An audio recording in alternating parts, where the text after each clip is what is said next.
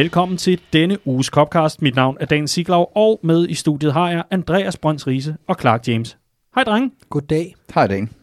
Nå, det var en øh, lidt mere øh, munter øh, start på programmet, end, end man måske kunne have, øh, have tænkt ville komme fra jer. Fordi humøret er vel ikke særlig højt lige nu, vel Clark? Nej, det, det er det ikke rigtigt, vil jeg Nej. sige.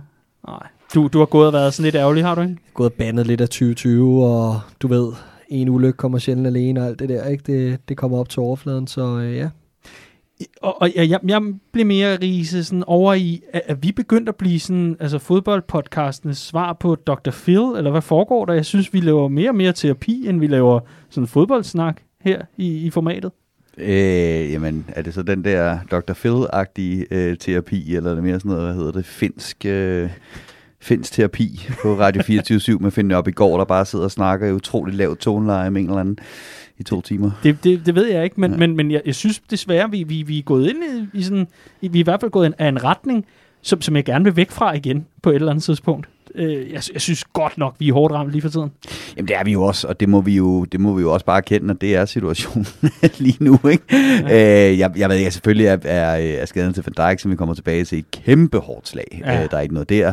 Øh, ellers så synes jeg egentlig, at, at resultatet kan man godt bruge til noget, og så må vi jo forsøge at bygge videre øh, derfra. Ikke? Men vi har lidt brug for, øh, for Klopp og drengene til at forvente den her øh, stime af dårlig stemning i studiet. Men en ting kan jeg love, og det er, at vi kommer selvfølgelig øh, dybt ned i øh, Merseyside Derby. Vi kommer til at diskutere VAR. Vi kommer til at diskutere alt det, vi før, synes jeg, har diskuteret. Men vi kommer i særdeleshed til at fokusere på skaden til Virgil van Dijk. Situationerne, som altså blev afgjort i et computerrum, eller gjorde i det? Det er blandt andet noget det, vi zoomer ind på. Så tager vi også et øh, blik på noget andet, der er rigtig populært og dejligt og godt, og noget, man bliver godt humør af. Project Big Picture, som vi selvfølgelig også har fyldt rigtig meget. Hip hurra, og så varmer vi selvfølgelig op til Champions League og Premier League i øh, den kommende weekend. Men øh, det bliver meget sort agtigt så, så Riese, kan du ikke lige melde ind med noget godt nyt? Er der noget godt nyt i forhold til din bog? Øh, den er i hvert fald gået i trykken, og, øh, og der er 92 glade mennesker, øh, dejlige mennesker, der har øh, forudbestilt den, og den skulle så gerne lande hos dem øh, her inden for en, en uges tid, eller noget af den dur. Ja. Så, øh, så det er jeg i hvert fald øh, øh, stærkt begejstret for, og håber også dem, der har forudbestilt den, glæder sig til at se, hvad vi har, øh, vi har fundet på. Mm. Øh, og så kommer den jo så til salg blandt andet i vores egen shop, øh, ja, inden for de næste par uger. Der skal nok komme en opdatering på, øh, på Facebook-siden, det kan Ja. jeg love. Estimaterne i forhold til, at øh, den jo lige øh, skal i trykken og alt det der, øh, og, og leveres, jamen øh, det er sådan, at øh, hvis du ikke var en af dem, der fik øh, forudbestilt, så må du lige øh, væbne dig med en smule tålmodighed, fordi så er det altså slut oktober, start november, at øh, den ligger klar, ikke? Jo, jo, og man kan godt gå ind på det link, der, der er, der hedder redmanfamily.dk, skråstreg, bog, skråstreg, og man skal have den sidste skråstreg med. Ja. Øh, og så kan man godt øh, bestille den, og så skal jeg nok øh, få, få sendt den ud, men, men man får den ikke med det første batch, som, øh, som Ja. ja. forladet sender ud. Nej, nej, den er, det er altså unummereret. præcis, præcis. Super. Godt så. Og netop det her med, at øh, der er så mange, der har forudbestilt, det er der også flere, der har gjort med øh, den øh, fornemme medlemsrabat, der altså har været på bogen. Og der er rigtig mange gode rabatter til medlemmer af Redman Family. Og det er især i de her tider, at, øh, at vi har brug for øh, så meget opbakning som overhovedet muligt fra det danske land. Hvis du synes, at øh, det vi laver, det er godt, jamen så øh, støt op, meld dig ind. Det kan du gøre fra bare 25 kroner om måneden. Du kan også vælge øh, et års og to års medlemskaber, og dermed være med til at bakke op om Danmarks stærkeste Liverpool-fællesskab. Det vil vi blive så glade for. Det er blandt andet det, der gør det muligt for os at optage Copcast selvfølgelig, men også Liverpool Watch, som øh, også ligger klar til dig, kære lytter. Hvis du ikke allerede har øh, hørt udsendelsen, så ligger den altså lige under den her. Der ligger der en udsendelse med øh, undertegnet og Patrick Pilov, der er vores Academy-redaktør. Og øh, vi har øh, zoomet ind på øh, ungdomsspillerne. Vi har især haft sådan transfer-fokus, og så har vi en masse hashtags og en masse andet, vi, øh, vi går igennem, inklusiv et fun fact, der, jeg, jeg må nok indrømme, det, det tog mig sgu øh, lidt, lidt på sengen, eller det, det var så i båsen. Jeg, jeg var i hvert fald ved at vælte om på gulvet. Det var helt fantastisk. Det var helt Mm. fantastisk. Jeg har ikke fået hørt den nu, men jeg glæder mig. Ja, men det, det, er, det er rigtig, rigtig godt. Og Pilov, han leverer endnu en gang. Fantastisk. Det er virkelig fantastisk. Men nok om Liverpool Watch, medlemskaber og alt muligt andet. Riese, er du klar til at uh, diskutere det, du elsker over alt på hele jorden? Glasklar. Glimrende. Så lad os tale om var. Så var den der igen. Debatten om var. Åh, Riese. så er vi her igen. Ja, det Ja, er vi. it's Groundhog Day again. Ja, præcis. Jeg ved ikke med dig, men, men øh, jeg sidder tilbage med flere spørgsmål end svar, efter trods alt at have to døgn, hvor de øh, involverede parter har haft mulighed for at komme ind med deres partsindlæg. Hvad var det, der gjorde, at man valgte at gå den her vej, i stedet for den her vej? Og det værende selvfølgelig situationen med Virgil van Dijk, hvor han altså pådrager sig en rigtig grim korsbåndsskade. Øhm, og så selvfølgelig overtidsmålet, der bliver dybt forkastet, bliver stjålet fra Liverpool. Kan du ikke prøve at give mig nogle svar på mine spørgsmål? Hvad er meningen med de domme, vi så øh, i Merseyside Derby? Jamen, det, det har jeg faktisk ikke rigtig nogen øh, idé om, skulle jeg til at sige. Men det, det, der, det, der næsten frustrerer mig mest, det er, at jeg har siddet på, øh, på Twitter øh, rigtig lang tid og prøvet også at svare på nogle spørgsmål på, hvordan fanden man er kommet frem til de domme, der nu engang er, er, er kommet. Øh, og de kan jo netop godt forklares med den her varlogik. Men det var jo bare det her, vi skulle væk fra. Vi skulle væk fra, at vi skulle sidde og snakke om åndssvage domme, og, øh, og vi skulle have flere, øh, flere øh, domme fra dommerne, som alle kunne forstå, øh, som var de rigtige domme. Ikke? Og nu sidder vi Gud hjælp med her igen, og, og, og, og det kræver en, og det er der hele tiden har været mit argument imod var, fordi nu kører den igen, den her, øh, den her øh, det er ikke systemet, det er dem, der bruger systemet. Det er også dem, der bruger systemet, men selve systemet Præcis. er sgu også et problem i sig selv, og et af problemerne er, at det nu kræver en Ph.D. i fodboldloven og 3D-modellering at forstå nøglemomenterne i en fodboldkamp. Og det er et problem, der ligger ved selve systemet, og ikke dem, der bruger det. Ja, altså det kan man sige i hvert fald fortolkningen af det system, vi har foran os, fordi du kunne nemt vælge at tolke anderledes på de billeder, vi får, men problemet er, at vi vælger at, øh, at ekskludere den her offside-regel fra øh, clear and obvious tingen. Og øh, hvad skulle alternativet være alt det her? Det lader vi lige ligge for en stund, fordi det er jo det, der gør, at hele problemet opstår. Vi sidder som almindelige fodboldfans og kigger på det og vi har set det med alle de andre klubber. Nu ramte den så endelig os, havde jeg Mm. nær sagt, igen for første gang i meget, meget lang tid, og så to gange i samme kamp men de er på linje i begge situationer. Altså det, det vil 99 ud af 100 mennesker sige, at, at spillerne er på linje, både Van Dijk i den første situation med, med, med Jordan Pickford, og, øh, og, og efterfølgende Mané til, til sejrsmålet. Og hvad er der blevet af det her? Det er jo blevet elimineret, det er slut. Det, det er der ikke noget, der hedder længere. Du kan ikke være på linje. Og, og det er, altså når du ser den der Mané-situation, det er, hvis ikke det var fordi man var så følelsesmæssigt investeret, så det er dybt til grin. Altså, Jamen, og, og, og du har den udfordring, og det, det, det, det, det er noget af det, jeg sådan har prøvet at pege på hele tiden. For eksempel det her med, at hånd på bolden-reglerne er så gråzoneagtige. De gamle var så gråzoneagtige. Det var så meget op til fri fortolkning, hvornår er det hånd, bold, alt det her. Så nu har man lavet en helt ny fortolkning, som er meget mere restriktiv, og som vi så har fået glæden af i England øh, i den her sæson. England har ellers været bagefter med at implementere den. Som en del af den hånd på bolden-regel, har man nu besluttet sig for, at overarmen ikke er en Mm. øh, del af armen længere, men er en del af skulderen. Derfor må man godt score med den. Og lige pludselig ser vi så her to gange i samme kamp. Vi har været forskånet for det før, men, men at det jo lige præcis kan give de der ekstra centimeter, når, når, når spilleren læner sig ind i en, i en offside, som vi så bliver ramt to gange af her, at det, det er kanten af trøjen, der nu, eller kanten af ærmet, mere eller mindre, der nu er det nye punkt, man kan være offside med. Øhm, og det, det er ikke blevet kommunikeret særlig godt, eller, eller der er i hvert fald mange, der ikke forstod det her med, hvorfor er linjen lige pludselig længere ude fra kroppen, end den her, øh, den her armhule, mm. som vi snakkede så skide meget om sidste øh, sæson. Og det er jo en af konsekvenserne ved VAR, det er, det, det, det er et system, der skal kunne give sort-hvid retfærdighed, og hvis, hvis der er for mange gråzoner i reglerne, så er vi nødt til at ændre reglerne, så det passer til systemet, og det er så det, vi ser øh, effekten af. Ja, men det er komplet idiotisk, fordi du har bare bogstaveligt talt flyttet problemet fra en øh, del af kroppen til, til en anden. Og, øh, og og det, er jo, det er jo helt idiotisk, når vi snakker om i sidste sæson, at det, altså, når du evaluerer på første sæson med Premier League og VAR, så kigger du nemlig på de her armhole offsides og så videre. Men vi snakkede også omkring det her med frames og så videre, og, og det er jo her, hvor det bliver et problem. Det er, at du sidder og siger, Nå, men systemet viser jo faktuelt. Nej, systemet viser faktuelt ikke en skid, fordi det er mennesker, der sidder og styrer det her system. Så du har en situation, hvor det er det er en person, der sidder og stopper den her inden for det frame, den skal stoppes. Det er den ene ting, så har du fejlmagen i systemet, og så har du dertil, at der tegnes en streg et sted.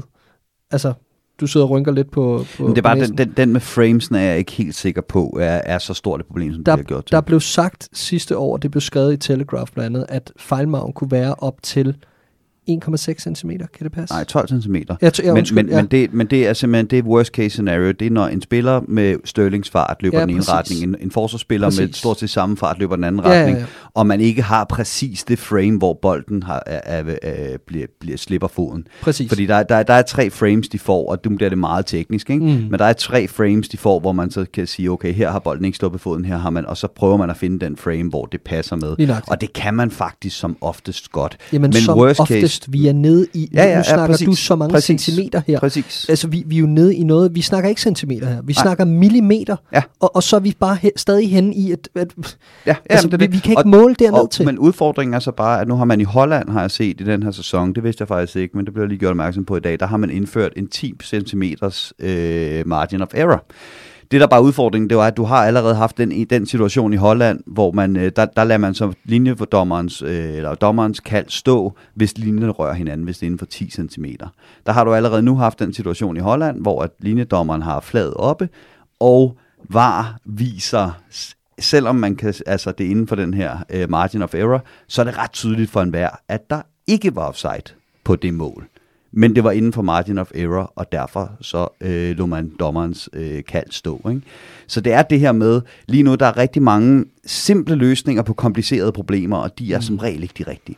Men har fodbolden ikke tabt midt i alt det her?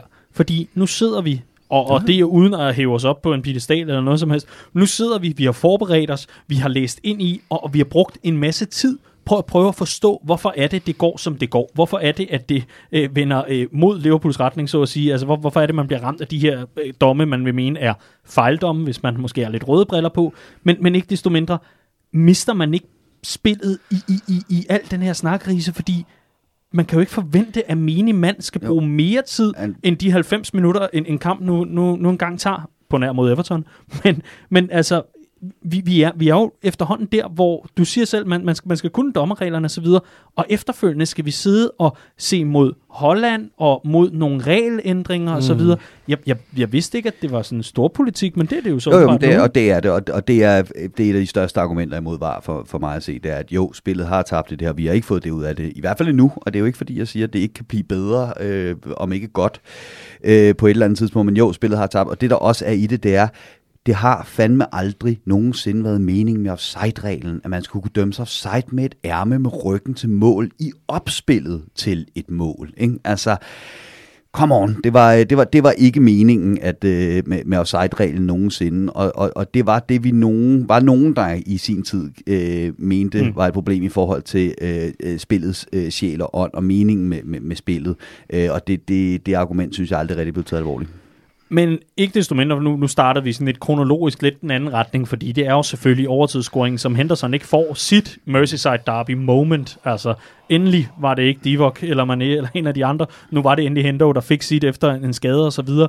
Men er vi, er vi efterhånden der, Clark, hvor, hvor Premier League må sige, altså, der, der skal virkelig ske nogle forbedringer, hvis, hvis, hvis det her det ikke skal tages op til revision sådan for alvor, om vi skal bruge Ja, det. men, men jeg, jeg tror bare ikke på det. Altså, men, men ja, det er vi jo. Altså, der, vi er forbi den grænse, synes jeg. Nå, jeg synes, fordi- vi har set ja. vi har set så mange groteske øjeblikke i sidste sæson, og, og vi, vi er, som du også er inde på, vi er, vi er ude af et spor, hvor tingene bliver overgjort. Altså, det bliver så kompliceret, uden det behøver at være det.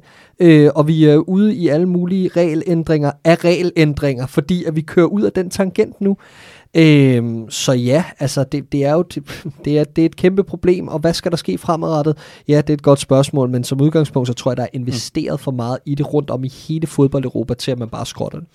Så var der forsvinder fra den ene dag til den anden, det er, det er nok... kommer øh, ikke til at ske. nej, Det kommer ikke til at det er ske. en Nej, ønsketænkning, præcis. som man, øh, som man så må indføre på, på CSX-niveau i hvert fald, eller Nej, bare nej, nyde, nej. man ikke har Men, det men, men, men, Præcis. men jeg, jeg, jeg synes heller ikke, at altså, jo var i dets nuværende form, og det her det kan blive rigtig langt, der. så det behøver vi ikke. Lad med det. Men, men vi, er jo, vi er jo inde, altså selvfølgelig skal vi den vej. Vi skal ned ad en vej, der hedder, at video skal implementeres i fodbold. Spørgsmålet er bare, hvordan, og, og lige nu er det en, er det en mærkelig forskroet omgang i Mm. Premier League i hvert fald.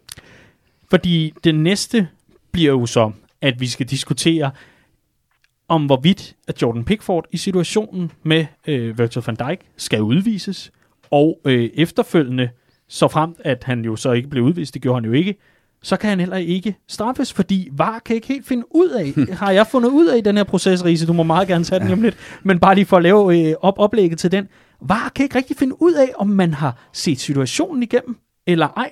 Nej, hvor Virgil van Dijk bliver dømt offside, den- og lige river et korsbånd. Ikke? Og lad os bare lad os sige det med det samme. Selvfølgelig skal Pickford smides ud på den der. Det kan der ikke være to meninger til. Altså, det er ikke med vilje, at han render rundt som en, øh, en labrador på sukker.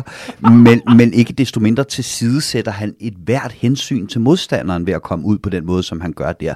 Selvfølgelig skal Jordan Pickford smides ud. Jeg har selv haft den fantastiske fornøjelse at stå bag hans mål i en fodboldkamp, og han er som en femårig dampbarn. Altså, en femårig fanget i en voksen mands krop med en femårig arm. ikke? Øh, og hænger i overlæggeren og smider vand i hovedet og løber rundt og råber lidt og kaster lidt. Og, altså, det, det, er bare for, det er bare for opskruet, og det gør, at han, han, han er overtændt i den situation. Derfor så, så, så kommer han for voldsomt ud. Ikke? Selvfølgelig skal han smides ud.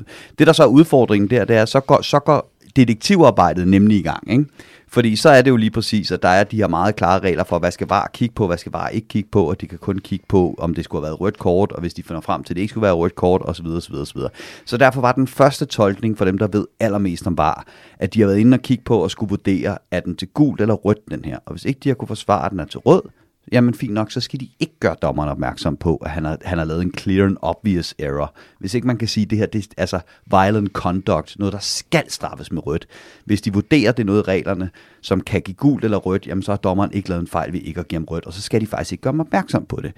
Så kommer der en melding, der hedder, at de faktisk ikke har kigget på selve situationen og taget stilling til, om der skulle være rødt kort eller ej. Fordi der jo ligesom er en trappe i det her. Ikke? De skal tage stilling til, om der er straffe, og før de kan tage stilling til, om der er straffe, så skal de kunne tage stilling til, om der er offside. Mm. Så de tjekker først for offside, eller ja, først for offside, øh, og da de så finder ud af, at der er offside, så finder de ud af, at der ikke er nogen grund til at tage stilling til, øh, Straffesparket. til straffesparket, og dermed heller ikke til taklingen, der gav straffesparket. Og der er jeg bare i tvivl, og det er, jo der, det er jo en af tingene, hvor jeg mener, der kan forbedres noget var. Der skal bedre kommunikation. Vi skal have at vide, hvad har dommeren fået at vide her. Fordi hvis dommeren tror, at VAR kigger på, på, på, på den situation med, om der skal være rødt kort, og de ikke gør det, øh, så det, står vi jo det problem nu bag, her bagefter, som er meldingen i dag, at man kan ikke give en retrospektiv øh, øh, straf til, til, til Pickford, fordi der er kigget på situationen og taget stilling til det. Problemet er bare, at det lyder på mig, som om VAR har, har kigget på situationen og taget stilling til, at de ikke skulle tage stilling men, til den. Men, men hvor er gennemsigtigheden her? Hvorfor skal du sidde og øh, være i tvivl om, hvad der er blevet set, og hvad der ikke er blevet Altså, det er jo, det er jo en farse.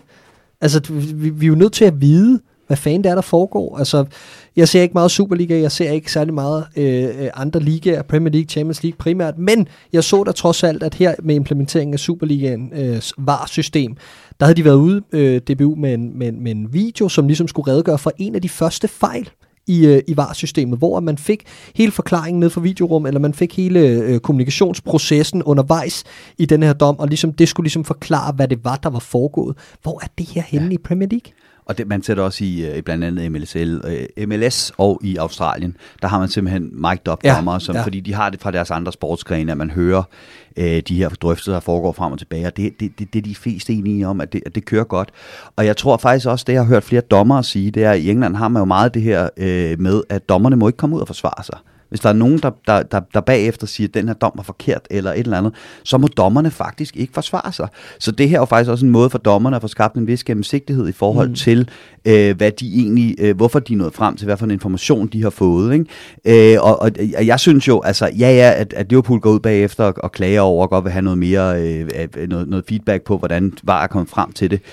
Øhm, Liverpool må jo ikke bagefter gå ud, og dom- managers må ikke gå bagefter gå ud og kritisere dommerne, så kan de få en, en matchbane. Ikke? Det her er jo en måde at sige, vi er ikke tilfredse med de vardomme, ja, vi vil godt have en redegørelse, og det er jo en måde at få systemet til at melde tilbage på ganske officiel vis, at uha, vi har begået en fejl, og på intet tidspunkt må dommerne tage bladet fra munden i det her og sige, Øh, altså redegørelsen viser, at der er blevet begået en fejl, det må dommeren ikke engang kommentere på.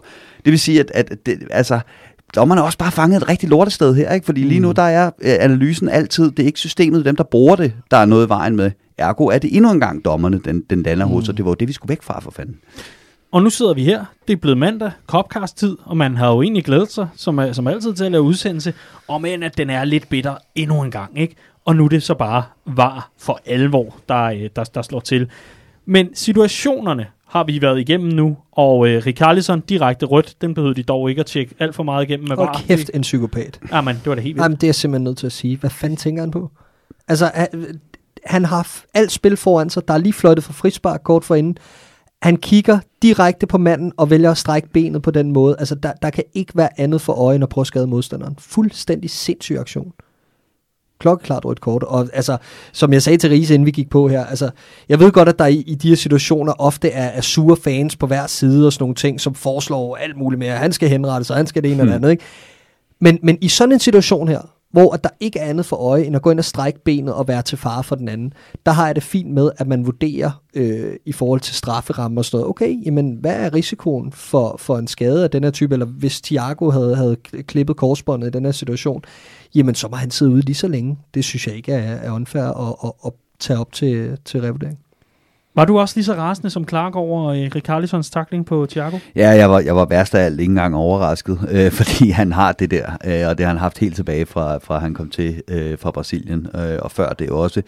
Han er overtændt en gang imellem, og han mister kasketten fuldstændig. Og nogle gange forstår han at bruge det konstruktivt, og andre gange så, så, så går det bare... Øh, ja, så bliver, det, så bliver det grimt på den måde der, og det var grimt, og det var netop det, som man altid når tilbage til diskussionen om, der findes ikke øh, intentioner i fodboldloven. Man skal ikke kigge på, om spilleren havde til forsæt at gøre den anden ond. Hvis du kommer ind med unødvendig stor kraft til side, sætter hensyn til modstanderen, så er det bare rødt kort, så er der selvfølgelig violent conduct, der ofte bliver brugt, når man slår og nikker skaller og den slags ting.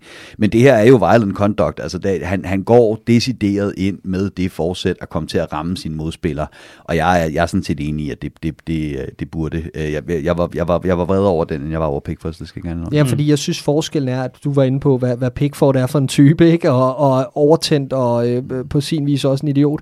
Men, øh, men, men, men det, det virker sådan, det, det virker bare klodset og dumt og alt muligt andet på samme tid. Det her, det var direkte voldeligt, øh, og det, det hører ingen sted hjem. Nu synes jeg, vi har øh, danse rundt om den varme grød længe nok. Vi bliver simpelthen nødt til at tale om, at øh, meldingen er kommet. Uha, der er en, der lige skal sætte sig ordentligt op i stolen, Clark. Puha.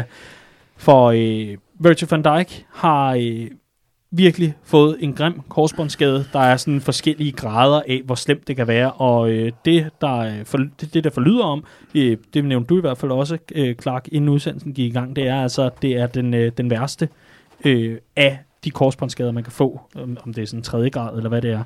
Ikke desto mindre, Virgil van Dijk er altså ikke tilgængelig for Liverpool, og bliver det måske ikke for resten af denne sæson. Hvad skal vi tænke om det, Riese? øhm, jamen det... du må også gerne tage den, Clark. Jeg, det, ved, jeg ved, hvorfor det, starter man ikke? Det er et af de lettere spørgsmål, jeg har fået, tror jeg. Det er ikke så godt.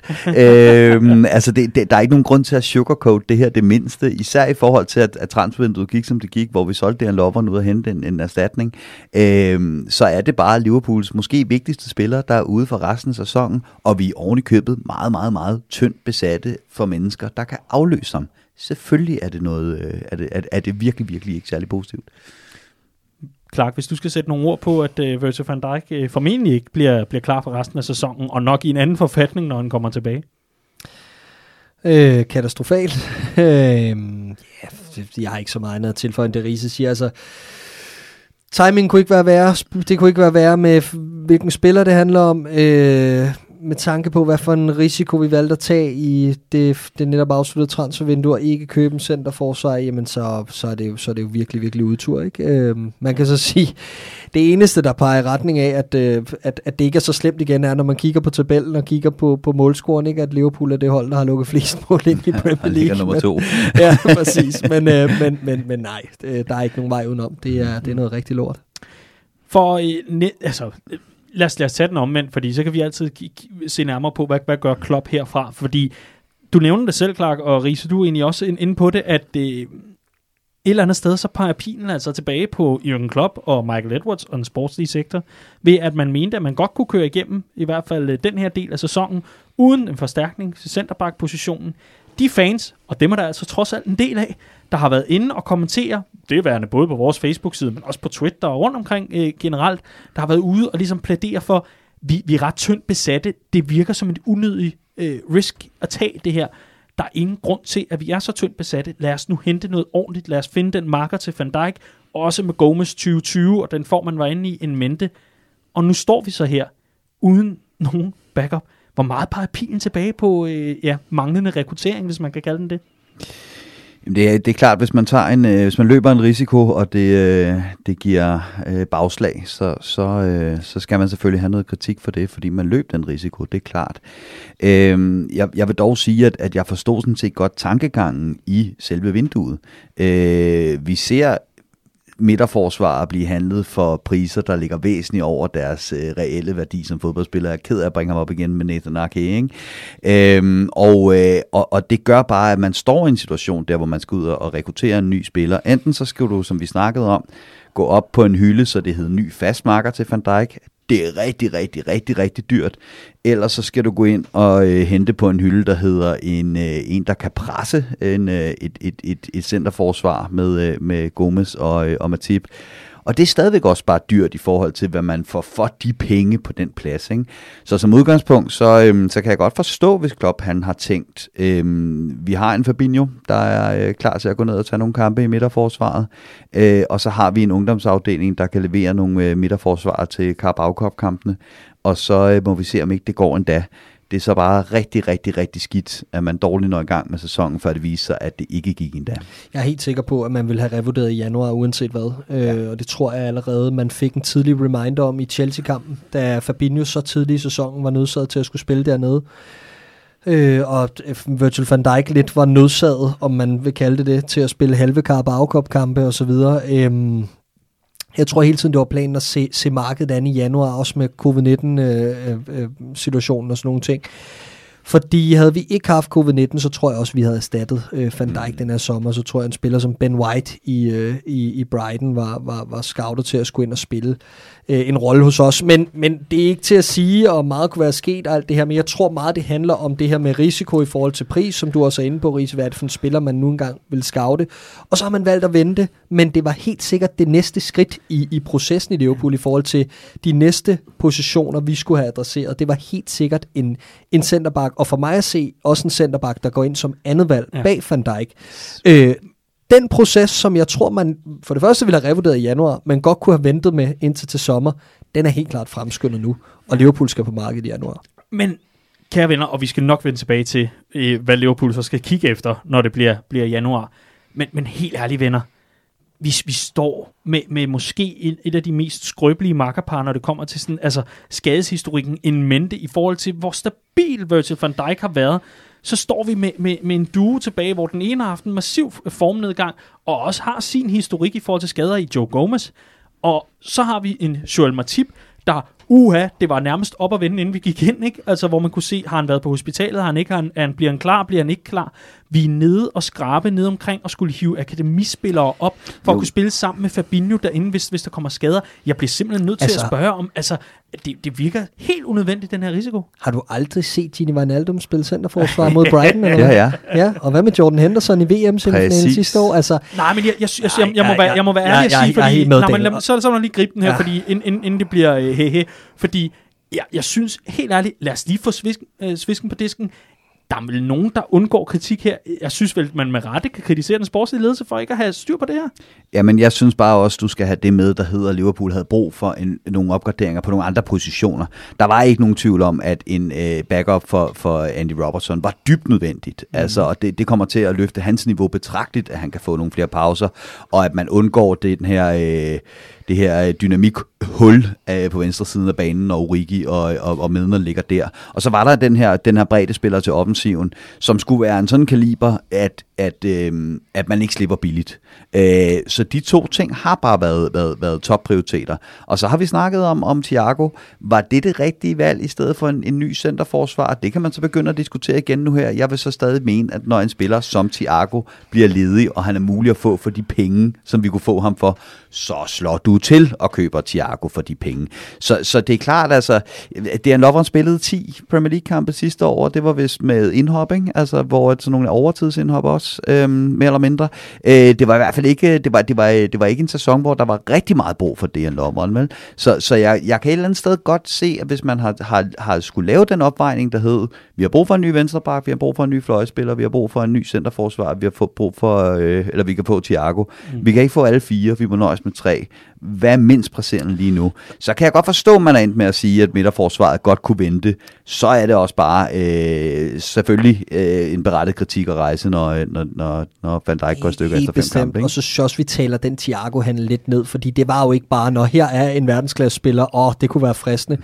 Det var jo det her med, vi har snakket tit Ja, om, ja, de her dybdestående dynamik, ja. øh, blokke, ikke? og det her med kreativiteten fra midtbanen, det har altså også været et kæmpe tema. Øhm, så, så, så det synes jeg også taler ind i det. Så kan man så vurdere, hvad der er vigtigt. Så lige nu, der havde det været rigtig, rigtig vigtigt at have en ekstra centerback. Ikke? Og sådan er det i fodbold. Det kan gå stærkt og alt det der. Men jo, selvfølgelig skal der rettes kritik af, øh, at vi ikke er gået ud og adresseret det her problem, når vi nu står i den situation, vi gør i, fordi der var mange, der havde frygtet, at vi kunne stå her.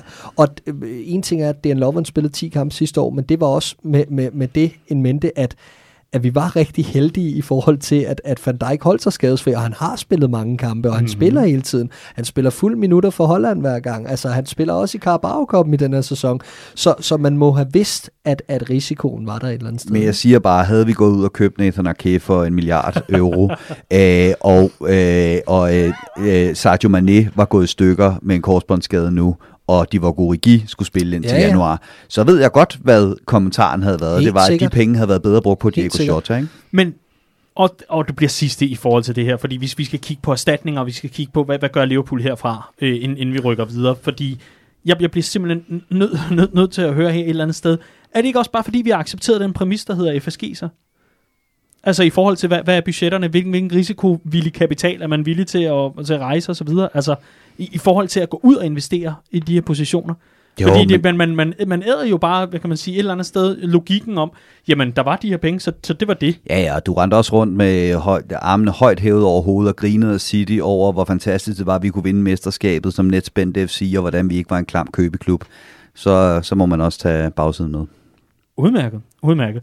Så det er, et, øh, det, det er umiddelbart der, vi ligger i forhold til, at øh, ja, men i mindst er vi ikke en klam købeklub, så må vi jo så nøjes med øh, at være uden for Nå, nej, men altså, I dare you, øh, fortæl mig, at Thiago ikke var de penge værd. Altså, så I øh, fodbold i weekenden? Ja, ja, jeg så ja. bare lige. Jeg har ikke set Liverpools midtbane være så god, siden øh, Steven Gerrard var i topform. Altså, det der, øh, vi så derinde, det maskinrum med ham og Fabinho og Henderson, altså, det er jo bare opskriften. Det er sådan, man bliver verdens bedste fodboldhold. Det er ved at bygge den midtbane på. Så jeg, jeg, jeg, jeg kan ikke, jeg kan ikke, altså, ja, og så kan man sige, at vi købte ikke en centerback, men vi har nu også tilladt, at vi kan smide Fabinho derned, fordi vi har ham der. der. Præcis, lige præcis. Så altså, Uha.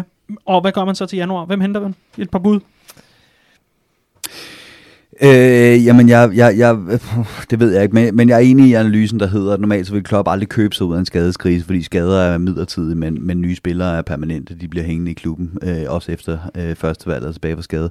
Men, men her der er det faktisk en proces, man var i gang med.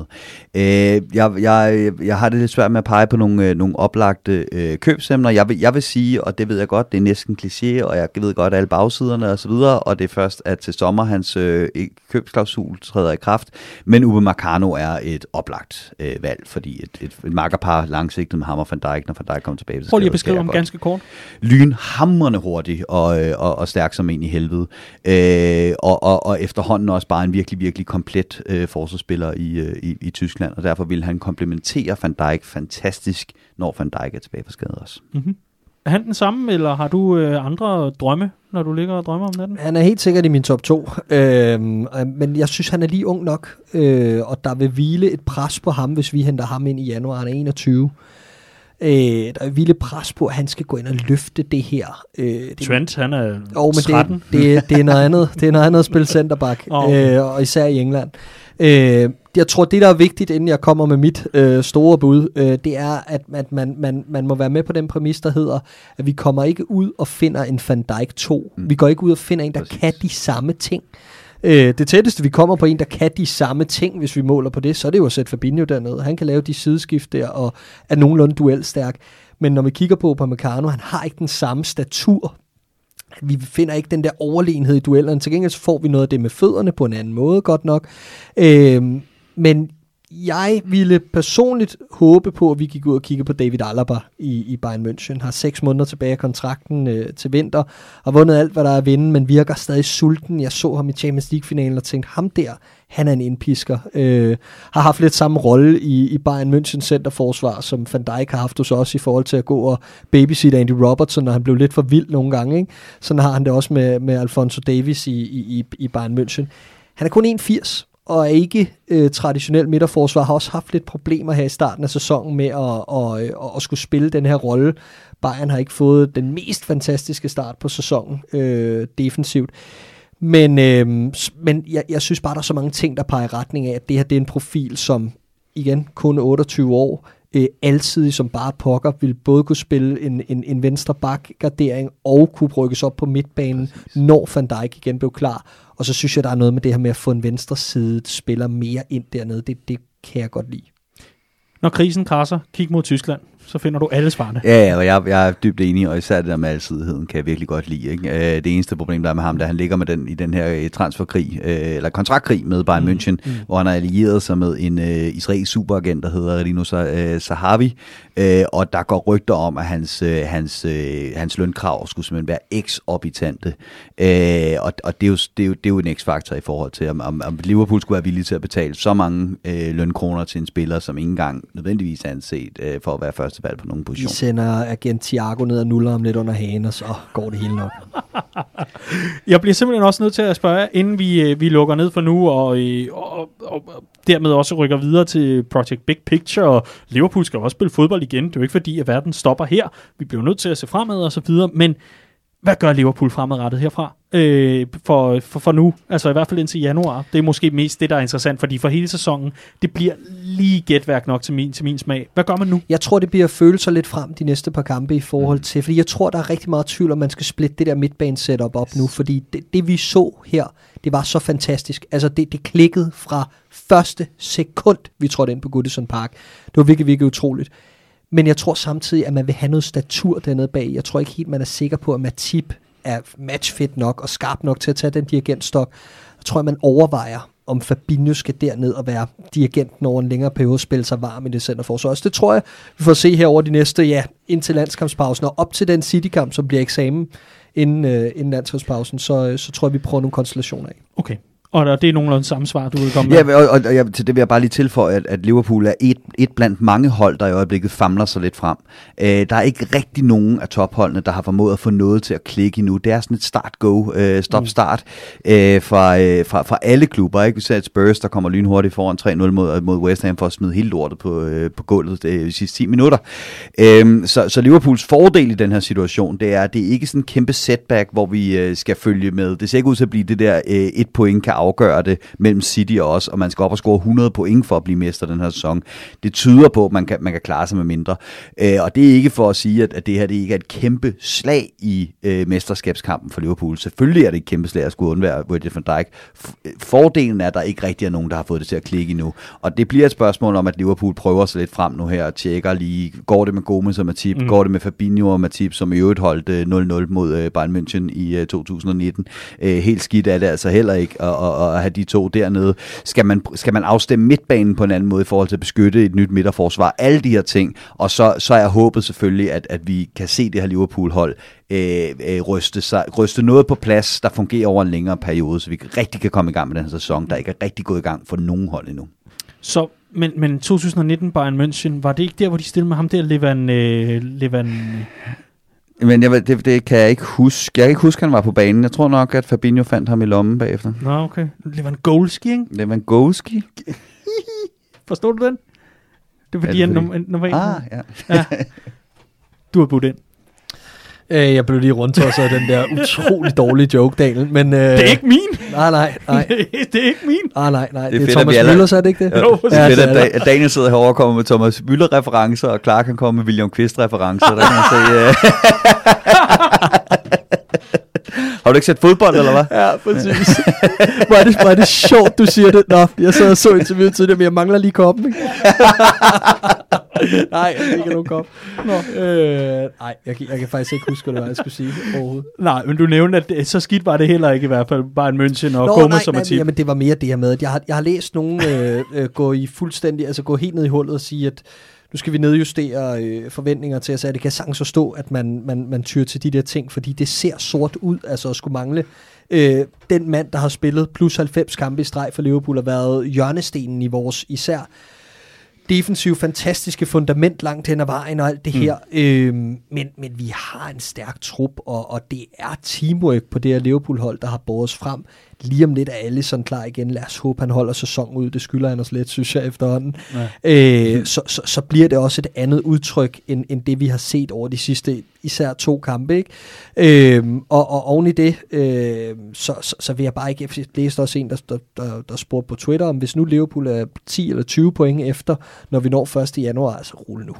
Ikke 20 point efter nogen, når vi når 1. januar. Det, ellers så giver jeg fadel. Øh, lad os kalde det gravl. øh, men, øh, men, men som, som Riese nemlig er inde på, det bliver langt tættere i år, og, og, og, og, og vi falder altså ikke ned på et eller andet helt absurd lavt niveau, fordi Virgil van Dijk er skadet. Og der må jeg så nok lige komme med, med mit partsindlæg i forhold til hele den debat og så videre. Jeg synes, det er meget, meget tidligt at begynde at spørge om, hvorvidt at det var top 4, eller det var mesterskab eller noget. Altså, så mange runder er vi heller ikke inde i Nej, den men, nye man, sæson. men man forstår det godt jo. Men, altså, Selvfølgelig, det- det- selvfølgelig. Igen, jeg forstår det 100%, mm. Mm. men, men lad os lige komme sådan halvvejs, før at vi kan begynde, fordi vi har også bare set før, at så har man ligget komfortabelt, og så har man ikke vundet et mesterskab, mm. og omvendt. Altså, Altså, det, det er set før. Det, det er sådan en sæson her, hvor man før har set et hold, der lige pludselig for en stime kørende kunne vinde et mesterskab på en meget billig baggrund. Det kunne være en Leicester-sæson, den her. Men det er også sådan en sæson, hvor man ofte ser sådan et, et rutineret tophold grinde de point ud, der så mm. er nødvendige. Og, og, og det er Aston Villa i fuld fuld gang. Det er lige præcis det. Ja, uh, eller Everton, uh, det vil også være, nej, det kommer aldrig til at ske. Men øh, jeg skal simpelthen høre, er der noget fra opgøret, I bare vil have med en pointe, et eller andet, bare, noget I bare glæder jer til at komme af med, eller var det det for Merseyside derbyet? Ej, altså, den midtbane, det må jeg bare sige igen, det var en fantastisk oplevelse. Smukt. Helt enig. Ganske udmærket. Jamen, øh, fra et opløftende emne til et andet, vi skal tale Project Big Picture. Det er i krisetider, at man finder sine rigtige venner. Og sådan tror jeg, at Premier League-klubberne, der ikke hedder Manchester United og Liverpool, har tænkt om netop Manchester United og Liverpool, da de præsenterede deres bud på en måde, hvorpå at vi kunne se det hele i et større perspektiv, altså se det store billede.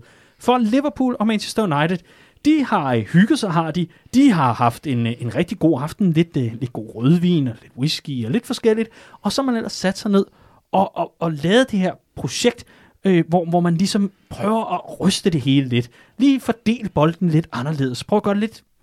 Det der, slut med det der gamle konforme noget. Nu prøver vi lige at ryste posen og se, hvad der sker. Det er Project Big Picture, og jeg skal ellers love for, at der er rigtig mange, der ikke kan se det fede i det billede. Rise. Kort og godt. Manchester United og Liverpool har øh, foreslået en række ændringer i det her projekt Big Picture, og øh, der er man blandt andet gået ind på, skal vi ikke bare lige tage punkterne igennem, så kan du lige forklare, hvorfor i alverden man har travlt med det, når der står covid-19 over det hele. De foreslår blandt andet, at man øh, skærer Premier League ned fra 20 til 18 hold, mens øh, at øh, Championship, League 1 og League 2, de øh, fortsat har 24 hold. De foreslår, at de, de nederste to hold i Premier League, de øh, rykker ned automatisk, mens 16. pladsen så øh, bliver en del af Championship play- playoffet. Så er det, at man øh, gerne vil nedlægge Liga-koppen og Community Shield. Man øh, fjerner det, der hedder øh, paraply, øh, paraplypenge, det hedder det jo ikke, det hedder faldskærmspenge selvfølgelig, øh, i forhold til, at øh, man får en sum med ned, når man rykker ned. Så vil de lave en øh, øjeblikkelig fond, der ligesom skal hjælpe fodbolden i de lavere divisioner, ved at øh, man smider 250 millioner pund ind i den her fond, sådan, så man kan redde det, der hedder EFL, altså English Football League, og fremadrettet vil give 25% af alle fremtidige tv-aftaler. Vi går ned til det. Derudover så vil man øh, betale FA 100 millioner pund for tabte indtægtsmuligheder, og så vil man, og nu kommer den, give ni klubber specielle stemmerettigheder, når det kommer til bestemte emner, baseret på deres lange tid i Premier League. Er det den sidste, der gør, at der er så mange, der er utilfredse med det her forslag? Kort sagt, ja. Godt. Riese, da du læste om det her, Mm. hvad tænkte du så umiddelbart? Øhm, jamen, jeg, jeg tænkte jo først og fremmest, at øh, der er faktisk to rigtig, rigtig gode forslag. Altså, der er mange ting i det her, og, og, og, det, og det er jo også sådan lidt, hvordan fanden er det kommet frem, for det Telegraph, der lige pludselig har det, er det blevet lækket, har, har United Liverpool selv lækket alt det her. Men som udgangspunkt, så er det klart, at der, der, der er rigtig meget fokus på, øh, på covid-19-situationen lige nu i de, i de lavere rækker, øh, hvor at især i League 1 og League 2, der er der masser af klubber, der er nærmest er på vej ud af, af eksistens. Ikke? Altså, der går konkurs på grund af det her. Øh, så der, skal, der, der, der diskuteres, om der skal nogle penge nedad. Og det, det her lægger op til, det er jo rent faktisk, at øh, ikke nok med, at man giver de her klubber en håndtrækning lige nu, der er sådan corona-baseret, øh, så gør man, og lægger man også op til fremadrettet at sende nogle flere penge nedad i systemet. Og det har været et problem siden Premier League brød løs for resten af, det engelske ligasystem for øh, 28 år siden, at der simpelthen er kommet for få penge nedad i systemet. Så det er en, øh, et problem øh, ved, ved strukturen i engelsk fodbold, som de fleste nok er enige om, at der skal gøres noget ved på et tidspunkt. Øh, og så er der også det her med at, øh, at få, få skåret ned på antallet af kampe, som moderne fodboldspillere øh, spiller, som de jo lægger op til med at, en, en, øh, at, at barbere antallet af hold i Premier League ned, og så at øh, fjerne Carabao-koppen. Og det synes jeg også er et glimrende forslag. Altså lad os være ærlige, Carabao-koppens primære funktion er netop at få bare en lille smule penge nedad i systemet. Når nu Premier League-klubberne er så øh, grådige, så giver de trods alt en, en kamp øh, om året til nogle mindre klubber, øh, der, der får øh, en stor klub på besøg og kan få en kassekamp den vej igennem. Så fint, hvis man får lavet et, et reelt omfordeling af tv-pengene nedad i, i, i rækken, så er Carabao-koppen øh, dybt overflødig, og det er jo også et glimrende forslag at, at fjerne den. Så som udgangspunkt, så kunne jeg sagtens se, hvad det var for nogle gode forslag, der var i det her. Øh, og så kan vi så komme til senere, hvad, øh, ja. hvad der så var lidt sværere at spise, ikke? Fordi i bund og grund, så vil man jo ændre rigtig mange ting for at hjælpe dem, der har knap så meget i, i det her. Det er jo, jamen vi vil gerne hjælpe jer, selvfølgelig vil vi det, og I får både det, og 25% af alle fremtidige øh, tv-penge, og jeg skal ellers komme efter, selvfølgelig, det får I. Vi skal lige have øh, noget til gengæld. Det virker ikke særlig solidarisk, gør det det, klart? Nej, jeg synes, det var lidt svært at gennemskue i starten, fordi jeg synes egentlig, som Andreas også er inde på, at der var flere gode ting i det, og det synes jeg egentlig også stadig, der er. Og så kan jeg godt lide, at det er, øh, det kommer ind på bagtankerne bag, ikke? Øh, fordi er det, som øh, jeg, jeg kan forstå på dig, Riese, måske en dør, der åbner til den her europæiske Superliga, at man kan skabe plads i et kampprogram til, at der kan implementeres noget lignende på sigt, jamen så er det jo, øh, så, så er det jo selvfølgelig skummelt, det her forslag. Men øh, jeg har det sådan, øh, det her med Ligakoppen, den har jeg længe set som overflødig. Øh, I hvert fald for de klubber, der spiller i Europa. Det kunne være, at man lavede en løsning, hvor de var ligesom ekskluderet. Var du, havde du adgang til Europa, jamen så spillede man, eller så, så, så deltog resten ligesom øh, ud over det, øh, eller whatever. Øh, og så har jeg det, det der med Community Shield. Jeg forstår ikke, i mange andre lande har du jo en, en national supercup, som jo er en gældende kamp øh, i, i, i mange nationer, også i de større, eller i de større lande. Øh, og i, i England er det sådan lidt en mellemløsning. Ikke? Den tæller ikke rigtigt, og den ligger sådan lige ofte midt i noget træningskamp og lidt af hvert og sådan noget. Så, så, gør, så gør det enten ordentligt, eller også så fjern den. Så, øh, så, så, så jeg er lidt, lidt på det hold der. Øh, det, der gør det usolidarisk, det er jo det her med, at det bliver enormt svært for super mange klubber i midten af hele denne her samtale at bryde igennem til, til, til eliten. Ikke? Øhm, og, og det er jo der, hvor, hvor rummet opstår, som er, som, som er problematisk. Altså det der, det, kort sagt kan man sige, man vil, man vil fjerne det gab, der er fra Premier League og ned til Championship. Ikke? Og, og det, jeg har også skrevet en, en analyse af det inde på vores, øh, på vores hjemmeside, den kan man gå ind og finde, hvis der er, den hedder Mind the Gap. Netop fordi, at, at der er et gab. Der er et kæmpe øh, hul med, fra, fra Premier League rent økonomisk og ned til Championship, øh, hvor der er de her faldskampspenge, men det forslår som skrædder af helvede. Øh, og det gør et eller andet sted, at det bliver sværere at få en Julian Nagelsmann i, øh, i, i England, af den simple grund, at hver gang du ser et spændende fodboldprojekt i øh, Premier League begynde at hoste og hakke lidt i det, så ansætter man Tony Pulis igen, og så går man efter at, øh, og, øh, undgå nedrykning, og så køber man i blinde i transvinduet, fordi det er så dyrt at rykke ned fra, øh, fra Premier League. Og derfor så var navnet egentlig velvalgt, synes jeg. Det er svært at se det store billede, når man er så, øh, når man mm. er så presset af, af den kortsigtede økonomi, økonomi. Og det vil det her gøre op med. Det er, det, det, det er et fremragende forslag. Der er, der er slet ikke noget der.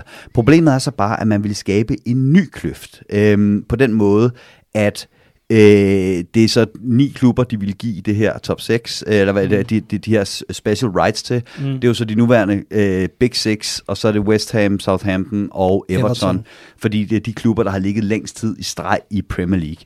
Når man har ni, der skal stemme, så er fem et flertal. Det vil sige, det er altså øh, de facto øh, top 6 rule, vi får her. De kan i hvert fald stemme de ting igennem, de vil. Og så som Clark siger, jamen, altså, der er et element af, øh, af motivgrænsning i det her. Ikke? Øhm, øh, det er jo ikke sikkert, at, at de her klubber ikke vil bruge da, den, altså den, den øgede magt, de får til alles bedste. Øh, det er bare heller ikke grebet ud af fri fantasi, at der er øh, fremskredende planer og ambitioner om for eksempel en europæisk Superliga. Det er heller ikke grebet ud af fri, fri fantasi, at de her klubber godt vil have større del i tv-pengene. Det vil de de facto kunne stemme igennem helt for sig selv. Ikke?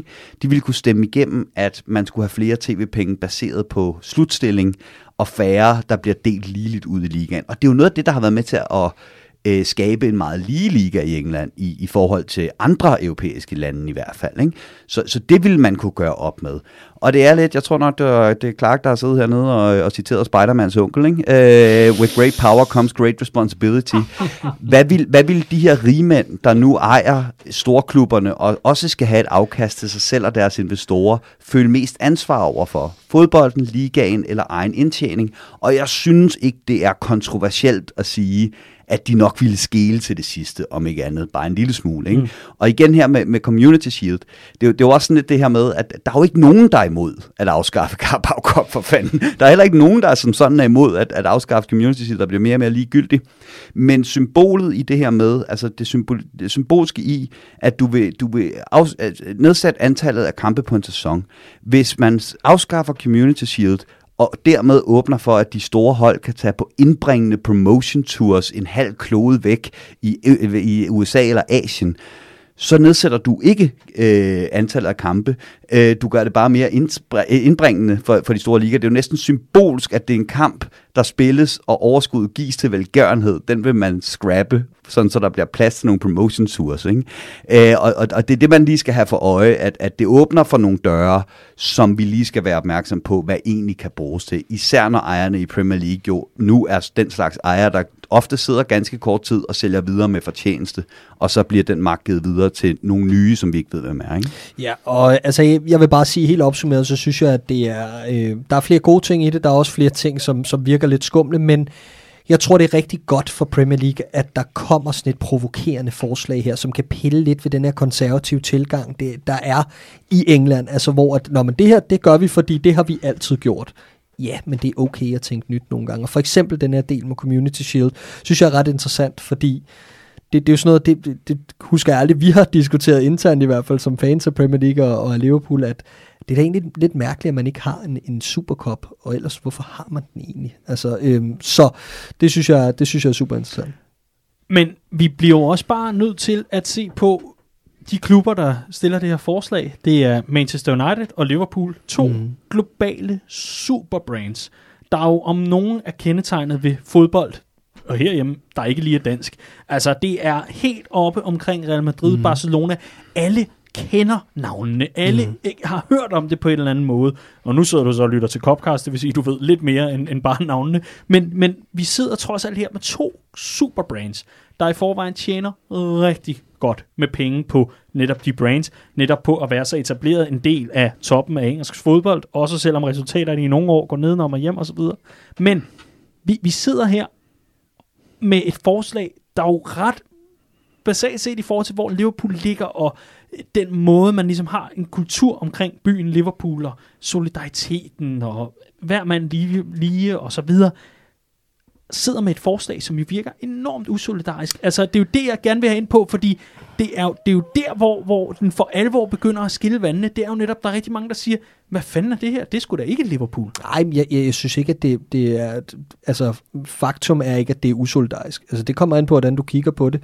Der går flere penge ned igennem systemet, og, og så er det rigtigt, at øh, magten bliver koncentreret sig omkring nogle få klubber, og det bliver sværere at bryde ind i det her. Liverpool og United vil jo i så fald beskytte deres position øh, øh, langt bedre. Det kan man mene om, hvad man vil, men jeg synes, altså, jeg synes også, der er elementer af solidaritet i det her forslag. Ja. Det synes du? Ja, At det kommer med, med så høj en pris, at man skaber en elite i toppen af Nå, nej, nej jeg, jeg, jeg, jeg tager ikke stilling til, om, øh, om jeg synes, at det er, om det, det er værd. Altså, det er ikke Mm. det, jeg siger, men jeg siger at kalde det, det er stedet usolidarisk, det synes jeg ikke er rigtigt. Og det er jo så der, hvor, hvor det clincher lidt med øh, blandt andet øh, SOS, Spirit of Shankly Mhm. mm. og andre fangrupperinger, der er ude og sige, det der skal vi slet ikke bede Og om. det- og det er fair og, nok. Og det er jo netop også en del af den tid, altså against modern football, mm. at man er imod det moderne fodbold, det er det, den kommer med. Du kalder det lidt konservativt, mens andre måske vil kalde det retfærdigt, at hver stemme har lige meget magt. Og så bliver det netop et spørgsmål om, hvorvidt man sidder som bestyrelsesformand. Øh, nej, nej, nej, nej, formand. nej den, den er jeg nødt til lige at ret, fordi det, jeg tog ikke stilling til i forhold til, om jeg kalder det konservativt, om hvordan stemmeretten er fordelt. Overhovedet ikke. Det var mere tankegangen omkring engelsk fodbold og de her dynamikker, man altid har haft. Men, men, men det er jo netop, hvis man tager det isoleret set, Mm. mm. og ikke ser på den sidste ting, som jo så er den, der for alvor bliver en trigger, for Absolut. om man har opbakning til forslaget. Mhm. Fordi umiddelbart, hvis du tog de der special voting rights ud af ligningen, så tror jeg, de fleste vil sige, det lyder, det lyder sgu egentlig fair nok. Lige nøjagtigt. Men så kommer prisen netop, og det er jo der, der kommer Lige den der præcis. uenighed i forhold til det. Og, og der må jeg jo så bare høre her, altså det, det er jo trods alt noget, der virkelig er blevet sablet ned i det britiske i allerhøjeste grad. Mm. Fangrupperinger på tværs af det hele, og blandt andet de klubber, der vil nyde godt af et forslag, der gik igennem som, som det her, jamen, har været ude og sige, det skal vi ikke bede om. Så det er jo rigtig meget imod den i hvert fald spirit, hvis vi kan låne lidt fra Shankly-gruppen der, som jo er i fangrupperingerne over i det britiske. Jamen det er fordi, den kyniske betragtning er jo et eller andet sted, at de her lavere liga, eller klubber, de lavere liga, de bløder lige nu. De troede på deres eksistens. Og hvis man tager den helt kyniske hat på, så er det her taget ud af Sepp Blatters FIFA-playbook. Hvis de helt store rotter sig sammen med nok helt små, så kan de køre mellemlaget fuldstændig over. Og det er jo det, man bad om her. Ikke? Altså, ideen er, at man siger, stiller IFL-klubberne en helvedes bunke penge i udsigt. Øh, formanden for IFL gik også ud og sagde, at de bakkede op om det her. Altså foreningen IFL bakkede op omkring forslaget. Jeg tror nok, Andy Holt fra, øh, fra Accrington Stanley øh, faktisk var ude og sige, at det, det, det, nej, det var ikke alle, der gjorde det. Øh, så, så på den måde, så kan man sige, at, at det ligner lidt et play. Øh, man kan i hvert fald hurtigt tolke det derhen, at man udnytter en, øh, en, øh, en økonomisk usikker situation til at stille nogle mennesker en masse penge i rådighed, så de kan overleve, med, mod at de til gengæld giver dig en masse Mm. mm. magt. Ikke? Og dem, der står til at tabe på det kæmpe stort, det er lige præcis de her klubber i Premier League, der ikke er en del af toppen, og dermed altså meget vel kan stå i en situation, hvor de nærmest aldrig kan komme til at blive det. Øh, men til gengæld så er det dem, der skal stemme det igennem, for det er jo Premier League, der, der skulle tage stilling til det her. Men- ikke? Og, og, og, så- som jeg også var inde på, det virker nemlig skummelt, det her med timing i det også. Fordi det bliver en, det bliver en gisselsituation, øh, hvor, hvor du tager nogle af de her klubber, der ikke har noget andet valg, end at sige, om vil I overleve, eller vil I Præcis. ikke overleve? Ikke? Altså, og, og, og så bruger du ligesom... Og så, og så, så bruger du dem ligesom- til at lægge pres på nogle andre, der så skal stemme. Ikke? Og det, det bedste, der kunne ske, for jeg, jeg er sikker på, at de sad og slikkede sig om munden, da Steve Parrish, den kæmpe mongol for Crystal Palace, gik ud og, og fik det her til at lyde som om, at man ikke ville dele penge nedad i systemet mm. til, til, til championship-klubberne. Det var det eneste, du ikke skulle sige. Du skulle, du skulle, ikke, pege, du skulle ikke pege fingeren nedad, mm. du skulle pege den opad. Ikke? Altså, Hvorefter øh, han bad folk om at læse artiklen, som var bag betalingsmuren. Ja, præcis. præcis. Og det, og det, det, det, det, er sådan helt, det er sådan helt, hold kæft, Giver du? og, og, så, så, så, så man får lidt den der fornemmelse af, at de har prøvet at, at, at skabe et pres nedefra ved at, at låne nogle penge, der så skulle få nogle mennesker til at stemme for at frasige sig sine egne rettigheder. Yes. Og det er bare ikke et særligt godt look. Nej, det er lidt at, ligesom at kaste en sandwich ud mellem to hjemløse og sige, kæmpe om den, ikke? Altså, det, det bliver netop rigtig, rigtig øh, usympatisk. Men omvendt, hvis vi skal vende den om, fordi jeg gider heller ikke komme til at sidde og lyde som en betonkommunist, og alle skal være lige for, for lighedens skyld. Vi, vi, øh, vi, vi skal også derhen, hvor man vel må have en altså principiel debat om, hvorvidt at øh, Huddersfield, lad os bare tage det hold, der rykker op for, for en kort bemærkning, skal have lige så meget magt når det kommer til beslutninger for Premier League, som dem, der notorisk er en del af Premier League, og dem, der ligesom, lad mig forstå, øh, hvis man skal forstå det rigtigt, bringer brød til bordet. Det Men- gør Huddersfield jo ikke. Nej, og det, det, det er jo også det, som Simon Hughes har skrevet, Liverpools journalisten, at, at det, er, det kan John W. Henry. Han kan, han kan grundlæggende ikke forstå, at øh, dem, der trækker flest på dansegulvet, ikke også får lov til at st- bestemme musikken. Forstår simpelthen ikke, hvorfor at Huddersfield skulle bestemme lige så meget som, som Liverpool, når det er Liverpool, der, der trækker kunder i biksen. Ikke? Øh, og det kan, man, det kan man så sige, det, det, det, øh, altså, jeg har lidt svært ved at greje FSG en gang imellem, fordi på, på nogle områder, så, så lader de sig justeret sig rigtig fint ting, i fodbold, men det her, det kommer jo også i halen på for eksempel den der øh, overlovssag under coronakrisen osv., hvor man en gang imellem lidt tænker, har I egentlig forstået, hvad engelsk fodbold er inde i sin grundværdi? Ikke? Mm. Eller, eller er I for, for, for farvet af det her med at eje et, øh, et rundboldhold i USA, ikke? Altså, øh, hvor at man, kan, man, kan flytte, man kan flytte hold øh, rundt mellem byer, og det er franchise, mm. så man kan ikke rykke ned og alt det her. Ikke? Og, og, og jeg, jeg tror bare ikke, man skal ikke, man skal, man, man, man skal ikke snyde sig selv på den måde, at der er så mange penge i toppen af, altså i topfodbold nu, at det gælder om at gøre tingene så forudsigelige som muligt, fordi det, det er ret rart, når man skal investere penge. Ikke? Og det er jo det, det er jo ret rart at vide, at selvom man rykker ned fra Premier League, så er man sikret en indtægt, der gør, at man kan bygge Mm. videre på et langsigtet fodboldprojekt. Den forudsigelighed vil vi jo gerne have, men vi vil heller ikke have den forudsigelighed, der gør, at det, at det at, altså som i Tyskland, hvor det er det samme hold, der har vundet mesterskabet, har taget patent på det. Det er det samme, ser du i Italien, du ser det i Frankrig. Det, man, skal ikke, man, skal ikke, man, man skal ikke være blind for, at der sidder nogle meget store kræfter i toppen af Premier League her, som godt vil have, at de kan være rimelig sikre på europæisk deltagelse hvert år og gøre ligaen mere forudsigelig. Og det er altså bare en grundting i engelsk fodbold, det her med, at på, øh, på dagen, der kan Aston Villa give øh, det forsvarende mesterhold bank 7-2. Ikke? Jo, øh, og nuancerne er bare vigtige, og, og det, det er det, jeg egentlig vil lidt frem til, fordi jeg gider ikke tage stilling til, øh, om, om, om prisen er for høj, det er den formentlig, øh, men jeg synes, at der er mange gode ting i det her, og jeg vil hellere tage stilling til, at diskussionen er vigtig, fordi at der er en, vi står i en fuldstændig ekstraordinær situation, og derfor så skal der også muligvis laves ekstraordinære tiltag. Og derfor så øh, kan man jo sige, hvad er bagtanken med det her forslag og alt det her? Men der er ikke nogen, der siger, at det er nødt til at blive det her forslag, der skal stemmes igennem. nej. Jeg tror bare, det er rigtig, rigtig vigtigt, at der bliver rusket op i nogle ting i England, og måden man ligesom har valgt at gøre det på indtil nu. Fordi det leder mig jo selvfølgelig hen til Riese. Nu skal vi rigtig øh, motivspekulere, eller hvad, hvad pokker man kalder det. Øh, vi, vi, vi, skal, vi skal i hvert fald derhen til, at Liverpool og Manchester United og, og de ledende kræfter har jo godt vidst, hvad det er for en reaktion, de får, når de kaster sådan en bombe ind fra siden. De ved jo godt, hvad reaktionen er derefter. Så hvad er det, de går efter? Man kaster noget, der er så ekstremt. Er det for at lande på et eller andet mellemleje, eller hvad, er- hvad er strategien bag øh, det her projekt? Jamen, jeg har svært ved at greje det, øh, fordi det kan faktisk være, at de har troet, at presset var så stort nedefra, at det her det ville blive stemt igennem på den baggrund. Ikke? Øh, som sagt, det er ikke første gang, FSG for eksempel har undervurderet backlashet fra nogle af altså, egne beslutninger, walkout on 77 øh, i forbindelse med billetpriserne og sådan nogle ting. Så det kan godt, det er muligt, at det her det bare bare endnu en gang tonedøv FSG, der simpelthen ikke forstår øh, grundsubstansen i engelsk fodbold. Men jeg tror også, der er et element af det her øh, tuben og tandpastaen, som man siger. Ikke? Nu er tandpastaen ude af tuben, og du kan ikke proppe den tilbage igen. Den her diskussion, den er der taget hul på nu, og der er taget, den, det, det er åbnet på den baggrund, som Clark siger nu her. Det er også det, jeg ender med faktisk at konkludere i min, i min analyse. Det er, jeg er sådan set mest træt af, at den her diskussion aldrig nåede at blive til andet, end at du er en sjælløs øh, kapitalist, der vil sælge fodboldens sjæl til, til, til, til Præcis. milliardærer, eller også så er man en, øh, en betonkommunistisk øh, naiv yes. et eller andet. Ikke? Altså lad os nu få den her diskussion et, et, et sted hen, men det er jo på den anden side også det, man kunne forestille sig, at FSG og United de, de har sat gang i her, det er en diskussion af, hvad vil vi betale? Hvad vil vi betale til storklubberne for, at dem længere nede øh, kan få lidt, øh, lidt, lidt flere penge?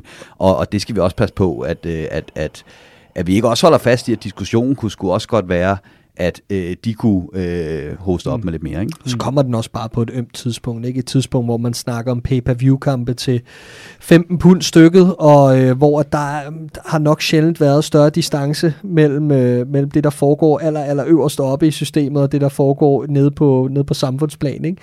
Så det er, det, er et enormt, det er enormt spændende, hvad der sker herfra, øh, og, og, og ligeledes også på den her del i forhold til pay-per-view.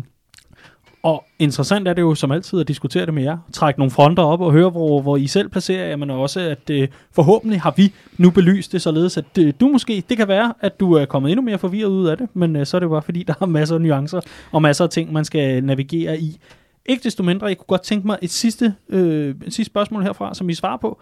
Hvad tror I, det ender med? Tror I, det ender med øh, noget, en, en løsning her inden 2021? Fordi det trods alt er ret vigtigt, at man øh, får styr på regningerne i de øh, lavere rangerede klubber. En midlertidig løsning. Jeg tror ja. ikke, at denne her øh, øh, diskussion bliver taget op, før at vi er ja, på den anden side af denne sæson. Mm. Jamen, jamen jeg, jeg tror nok, at der blev sagt i parlamentet her for nylig, altså ham, der er den ansvarlige minister for sport, han, han siger, at hans forståelse er, at man ikke vil lade nogen klubber gå, uh, go out of business. Mm. At det har han fået lovning på, simpelthen. Uh, så så jeg, jeg tror også, at der er uh, der, der bliver fundet en løsning nu her med, med en engangsbetaling, eller hvad man nu end finder ud af, og så fortsætter den her debat, og den skal også fortsætte. Vi skal bare være meget opmærksom på, hvad det egentlig er, vi diskuterer. For der er ikke nogen, der synes, det er en dårlig idé at afskaffe Carabao for fanden. Stor kapitalisme, betonkommunisme, varisme, og jeg skal ellers komme efter. Men det er selvfølgelig også blevet tid til ugens Bella and Birdie. For øh, vi har fået gode bud ind, det har vi både på vores øh, Twitter, og så fik vi et par bud ind på Facebook også. Husk, at det er altså inde på vores øh, profil, Copcast YNV på Twitter, og altså på Facebook, bare Copcast, at vi lægger op til, at man kan byde ind. Så øh, hold endelig øje med siderne, sådan så at øh, du kan være med og blive håndplukket til udsendelserne. Men vi er blevet enige om, øh, fordi at humøret er lidt så and so her, der bliver grinet lidt, men, men omvendt vi er alle sammen små deprimerede, så vi starter med det smukke i den her uge. Altså Bella. Riese, vil du ikke fortælle mig, hvad er ugens Bella for dig? Jo, det kan du tro. Uh, og jeg, jeg, jeg, jeg synes egentlig, at, at nu kommer jeg ikke ind på det under kampen, øh, men det var, det, var, det var en fin respons på det her vilde nederlag. Altså vi snakker om, hvad skal reaktionen være? Det her, det var den reaktion, jeg plejer at se for et Jørgen Klopp-hold. Uh, vi var bedste hold, vi var millimeter fra at vinde osv. Uh, så, øh, så, så, så, så, så det overvejede jeg at tage den, at, at, altså, at vi fik den reaktion, øh, burde også have vundet. Det gjorde vi så ikke, øh, og derfor er det, er det svært sådan for alvor at, at ledes over det her ene point, som vi, vi nu engang fik mod øh, Premier Leagues tophold, hvor, øh, hvor vanvittigt den lyder, øh, at det var det, vi, vi spillede mod på Goodison. Så jeg har valgt en, en, en anden lille øh, fun fact her, som er, at nu er øh, Liverpool øh, ubesejret 23 kampe i streg mod Everton. Det er den længste streak af ubesejrede kampe mod nogen modstander i hele Liverpools historie. Hey. wow. 10 år, 10 år, 23 kampe, 300, 3.654 dage har Everton ikke vundet over øh, Liverpool. Og det synes jeg egentlig, øh, det synes jeg egentlig godt, man på sådan en trist dag som i dag, godt lige kan, øh, kan smage lidt på, og synes, at det smager, det smager godt helt ned i mausen, ikke? It's a terrible time for being a blue. Okay. Nej, okay det var humøret ikke lige til, men, øh, men vidunderligt er det med, med ej, men det er så godt. Man, man kan altid blive sådan lidt nederen i det, når, man, når, når, når uretfærdigheden rigtig er ramt. Det, der så kan er man altid... ingen fod som skadesfod. Det er der simpelthen ikke. Det er den bedste. Det er simpelthen den bedste. Vi har fået nogle øh, billeder igen, og øh, mange går på Liverpools øh, respons på Villa-nederlaget. Det var noget helt andet. Øh, det er der flere, der melder ind i. Ind med Glenn Lundsgaard. Øh, Jonsen, han vil gerne sige, at det er altså Thiago sikkert dog en elegant fodboldspiller. Så øh, er der også... Det, det, det, det, jo, øh, den skal vi frem til her. Jan Axelsen, der siger, Hendo, det er bare verdensklasse. Mm. Øh, og så er der selvfølgelig... Det, det, det, det, jeg skal lige skåle frem til den. Vores midtbane i det hele taget. Sane Luti, der skriver ind, vores midtbane, Thiago, Hendo og Fabinho er tilpas mængde kreativitet, lederegenskaber og hårdhed. Nøj, hvor er Thiago god for os. Hjerte-emoji. Clark, hvad er din ugen spiller? Det var øh, Liverpools tier på dagen på Goodison. Det er kaptajn Jordan Henderson. Jeg synes, han var fremragende i en fremskudt øh, midtbanerolle. Noget, vi ikke har set ham spille i... Pff, ja, det ved jeg ikke, hvornår han sådan, altså han var jo nærmest ren tiger langt hen ad vejen i kampen.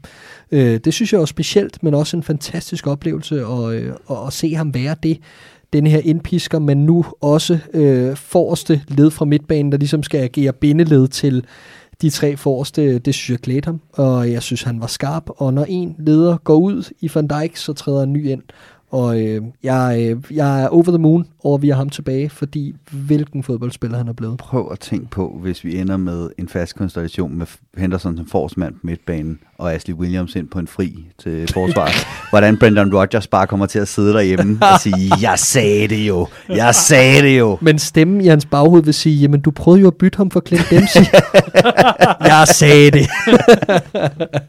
Oh, fortidens spøgelser, der skal, skal, skal blive nede i kælderen. Og vi er nået til ugens birdie. Og øh, Martin Stensgaard, jeg synes, det er en fantastisk formulering. Han kommer med ugens birdie, at vi glipper de tre streger på grund af nogle meget tvivlsomme streger. Oh yeah, I like that. Det er, det, det er fornemt. Øh, St. Luthi, han er altså også en god birdie den her uge. David Coote, øh, tror jeg, man udtaler det som. Øhm, manden, der fik et møgfald af Robbo efter kampen mod Burnley, fik sin hævn fra varrummet, ligesom på Old Trafford. Sådan. Og sidst, men ikke mindst, den var overraskende, men jeg synes, det er fedt, den kommer med. Simon Mølgaard, der melder ind, Birdie skal gå til udlejningen af Harvey Elliott. Det er synd at udleje en så teknisk spiller til Blackburn. Mm. Og hvis man gerne vil have analysen i øh, forhold til øh, Harvey Elliott og så videre, så kan man lytte til den seneste udgave af Liverpool Watch, der er øh, kommet tilbage fra coronapause, hvor det er sygt at sidde og sige det, men det er nu engang sådan, det var. Liverpool Watch, det kan du finde lige efter, du har hørt Copcast færdig. Vi skal have ugens birdie for dig. Ja, jeg overvejede også at, at hive fat i var. Ikke? Øh, Jeg tror, det var, det var Jonathan Wilson, der, der fint skrev i sin analyse af kampen, at det her det var som at se en parkeringsvagt, der gik med målebåndet øh, og, og målte øh, millimeter fra kantstenen, mens at der ved siden af rendte nogen rundt og smadrede vinduer for at stjæle, stjæle bilradioer. Ikke? Øh, altså, det er simpelthen, det er simpelthen for åndssvagt, og det bidrager til, til den her idé om, at, at, at, at, ja, at var kigger på millimeterretfærdighed, og så overser de kraftedeme overfald. Ikke? Altså, det er jo simpelthen for åndssvagt. Øh, men øh, men jeg, øh, jeg tænkte, at den var nok taget af andre, øh, fordi det er selvfølgelig en helt oplagte sammen med skaden til Van Dijk. Øh, så jeg har faktisk valgt en anden, og jeg, den, er, den er lidt hård måske, men, øh, men jeg tænker stadigvæk, at, øh, at øh, det er... Vi snakkede før øh, den her kamp om det her med Mané på toppen, øh, havde været en løsning før. Det blev det også i øh, sidste del af den her kamp, og det blev det, fordi at Firmino blev revet ud. Øh, og jeg synes, vi bliver nødt til at tale om, øh, jeg elsker manden overalt på jorden, jeg ved godt, han skal vurderes på alt muligt andet end sin mål, alt det her. Han er også en god kristen. det var samtlige 50-50 dueller, der ikke, der ikke gik hans vej. Det var rigtig mange nøglemomenter, hvor han, han taber bolden, hvor vi er så tæt på at kunne vinde spillet osv.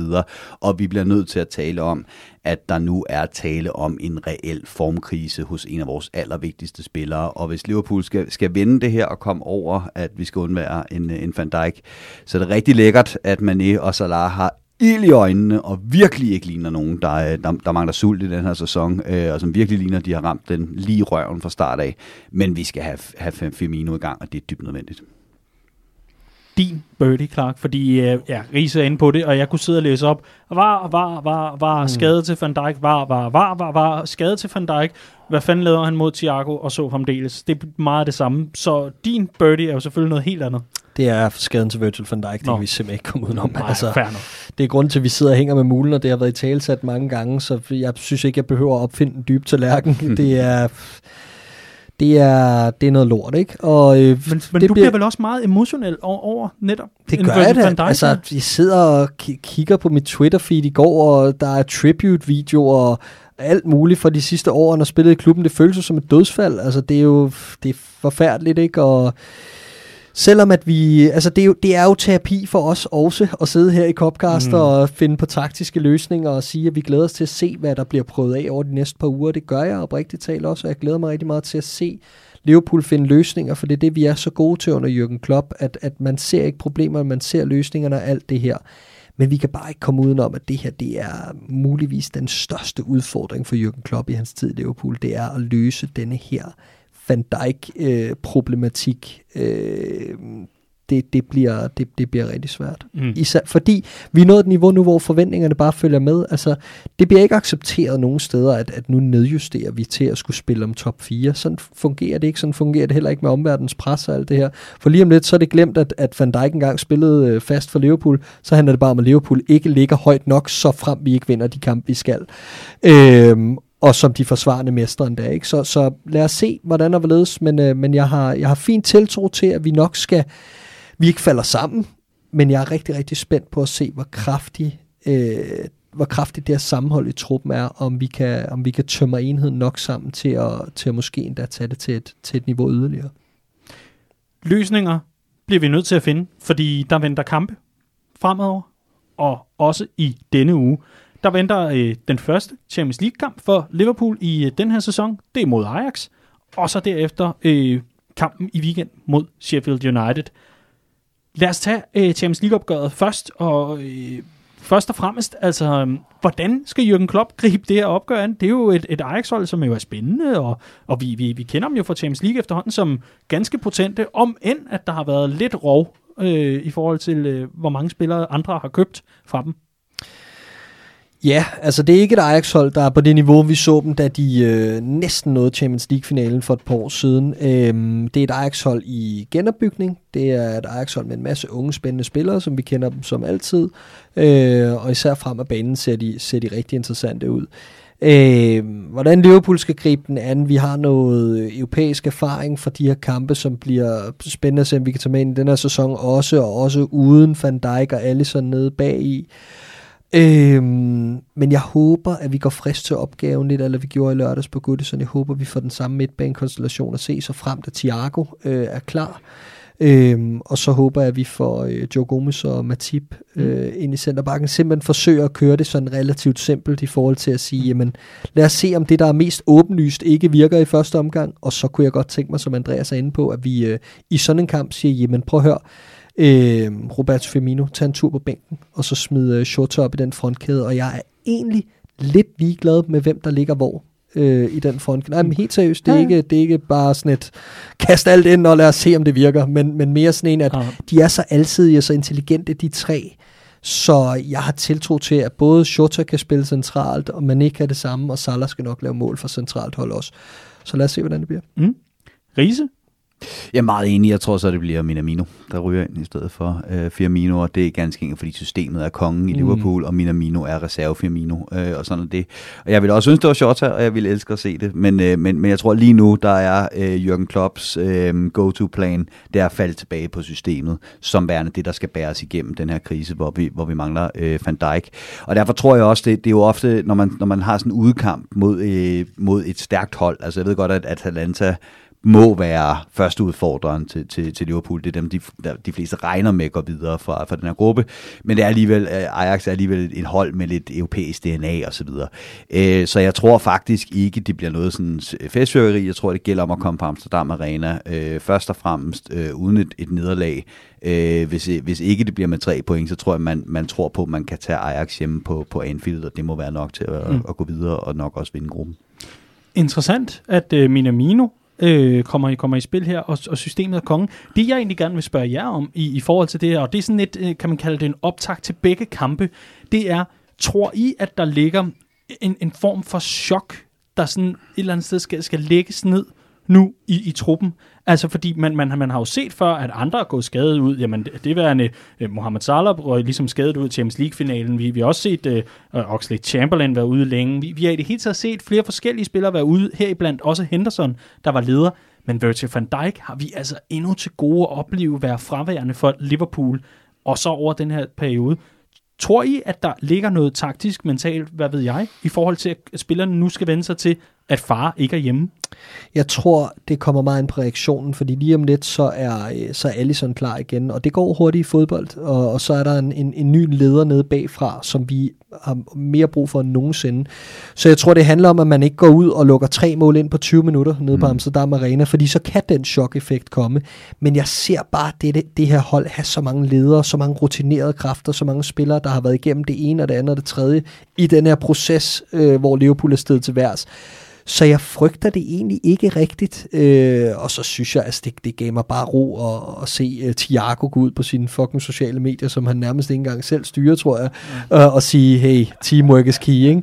Så sidder man og tænker, bare roligt, der er en ny far i huset, ikke? Uh, så uh, så jeg, jeg, jeg, jeg, vælger, jeg vælger naivt og optimistisk at tro på, at det comeback, der venter lige om lidt til, til Alison Becker, forhåbentlig i den weekend, der følger efter den næste mod West Ham, det kommer til at, øh, at sætte en prop i.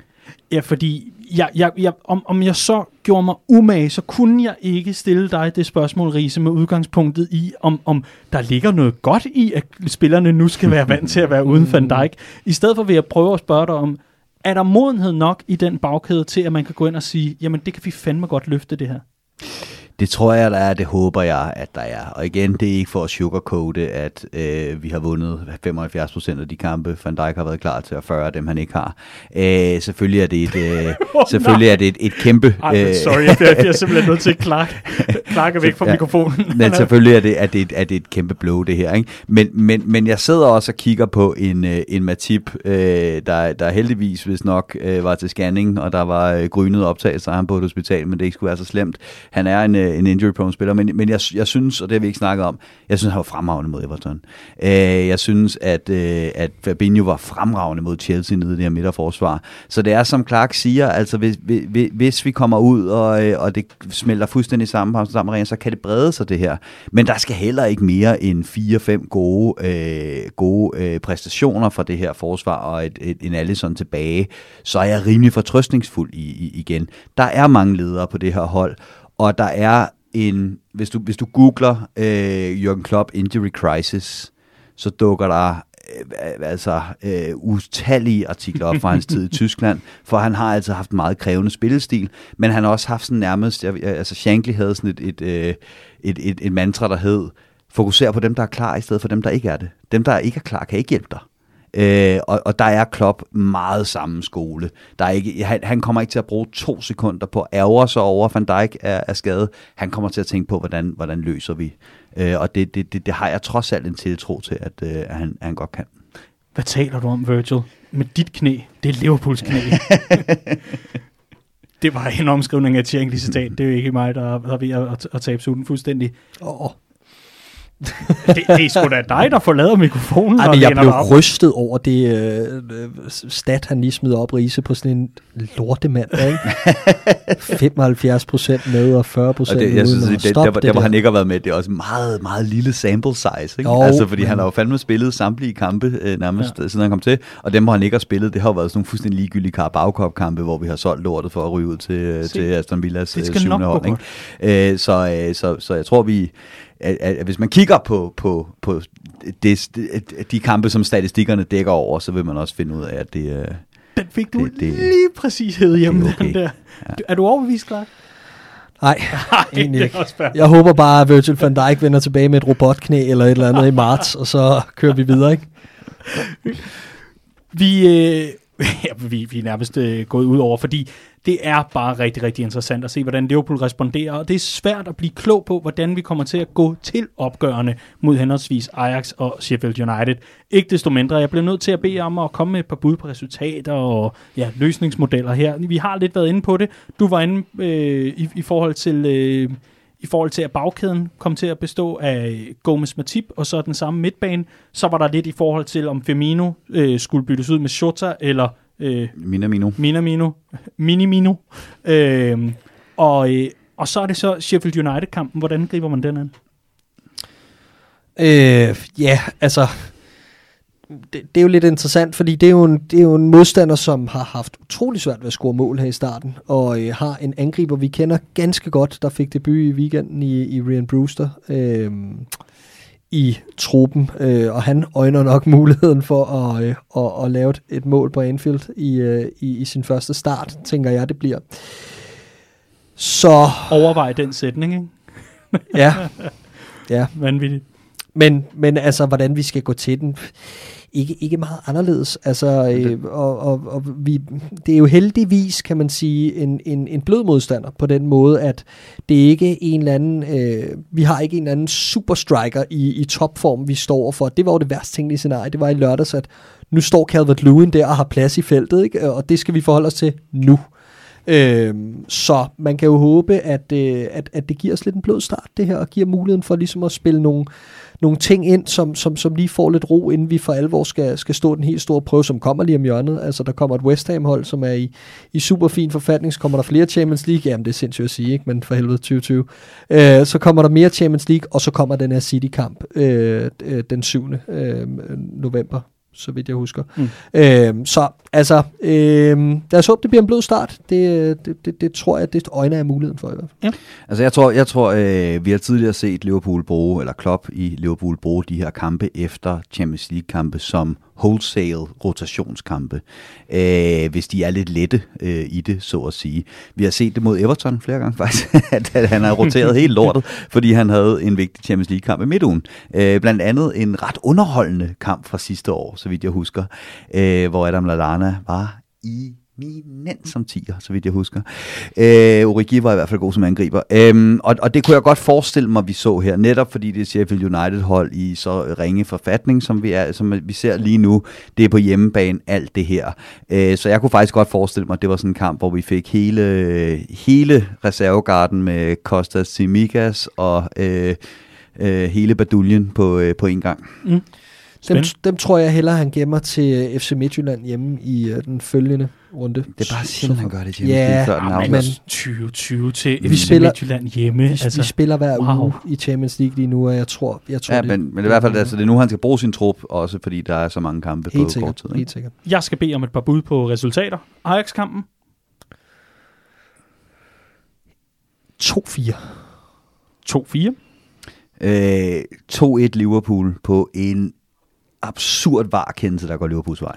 Ej, hvor fedt. Det var på tide. Og kampen mod Sheffield. United. 3-9. Nej, jeg tror, uh, jeg tror, den bliver 2-0. 200 Liverpools for mm. Altså, jeg skød jo sidste øh, uge på, at den ville blive 0-0 mod Everton, 2-1 mod Ajax og 4-0 mod Sheffield United, fordi det er den måde, det som regel går på, når Liverpool spiller sig ud af en krise, ikke? Og Goodison Derby er altid øh, noget lort. Og nu fik jeg jo fuldstændig ret i, at det blev øh, uafgjort på Goodison. Ja, Øh, Du er så klog, Andreas. så, så jeg holder fast i den. 4-0. 4-0. Dejligt.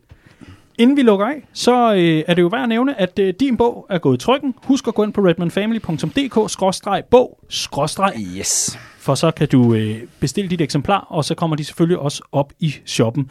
Derudover så vil vi gerne opfordre dig til, hvis du kan lide Copcast, hvis du kan lide, hvad vi laver, analyser, nyheder, karaktergivninger og så fremdeles, bliv en del af Redman Family. Du kan melde dig ind, ind på redmanfamily.dk.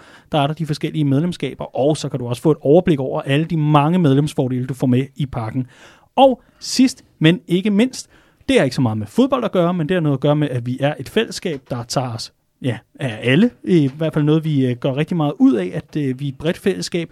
Så øh, i den her uge, hvor man sætter fokus på bekæmpelsen af kræft i det, der hedder Knæk Cancer-ugen, der har vi også oprettet en indsamling til fordel for netop Knæk Cancer. Det har vi gjort inde på deres øh, system og deres hjemmeside, men vi kommer i hvert fald til at skyde et link afsted, og så kan du, hvis du har lyst til at støtte op om sagen, altså øh, skyde afsted det, du gerne vil, vil bidrage med. Og så skal det blive spændende at se, hvor mange Liverpool-fans, der bidrager, og hvor, hvor højt vi kan få det op og så videre. Jeg, jeg tror vist nok, det er noget med, at den ene af værterne, Mikkel Kryer, han har en lille Liverpool-fan gemt i maven. Men du tror helt rigtigt, Dan. Ja, er det ikke rigtigt? Jo. Jo, dejligt. Så kan det være, at Mikkel han vil hjælpe os med at komme endnu mere ud. I hvert fald, så skal vi nok øh, dele alle links og overskrifter. Indsamlingen hedder You'll Never Walk Alone. Øh, der, står- der, der står, at den er oprettet af Redman Family, og så øh, er det ellers, at øh, danske Liverpool-fans samler ind. Så det er altså for Fedt. alle, der har øh, hvad kan man sige, kærlighed til, til Liverpool. Og hvis man ikke har, så må man også godt bidrage. Det, det, det tror jeg ikke, vi, vi står i vejen for. Det vigtigste er den gode sag. Det her, det var Copcast. Vi glæder os rigtig meget til at tale om alt muligt andet end dumme skader og var i næste uge. I hvert fald skal du have tusind tak, fordi du lyttede med.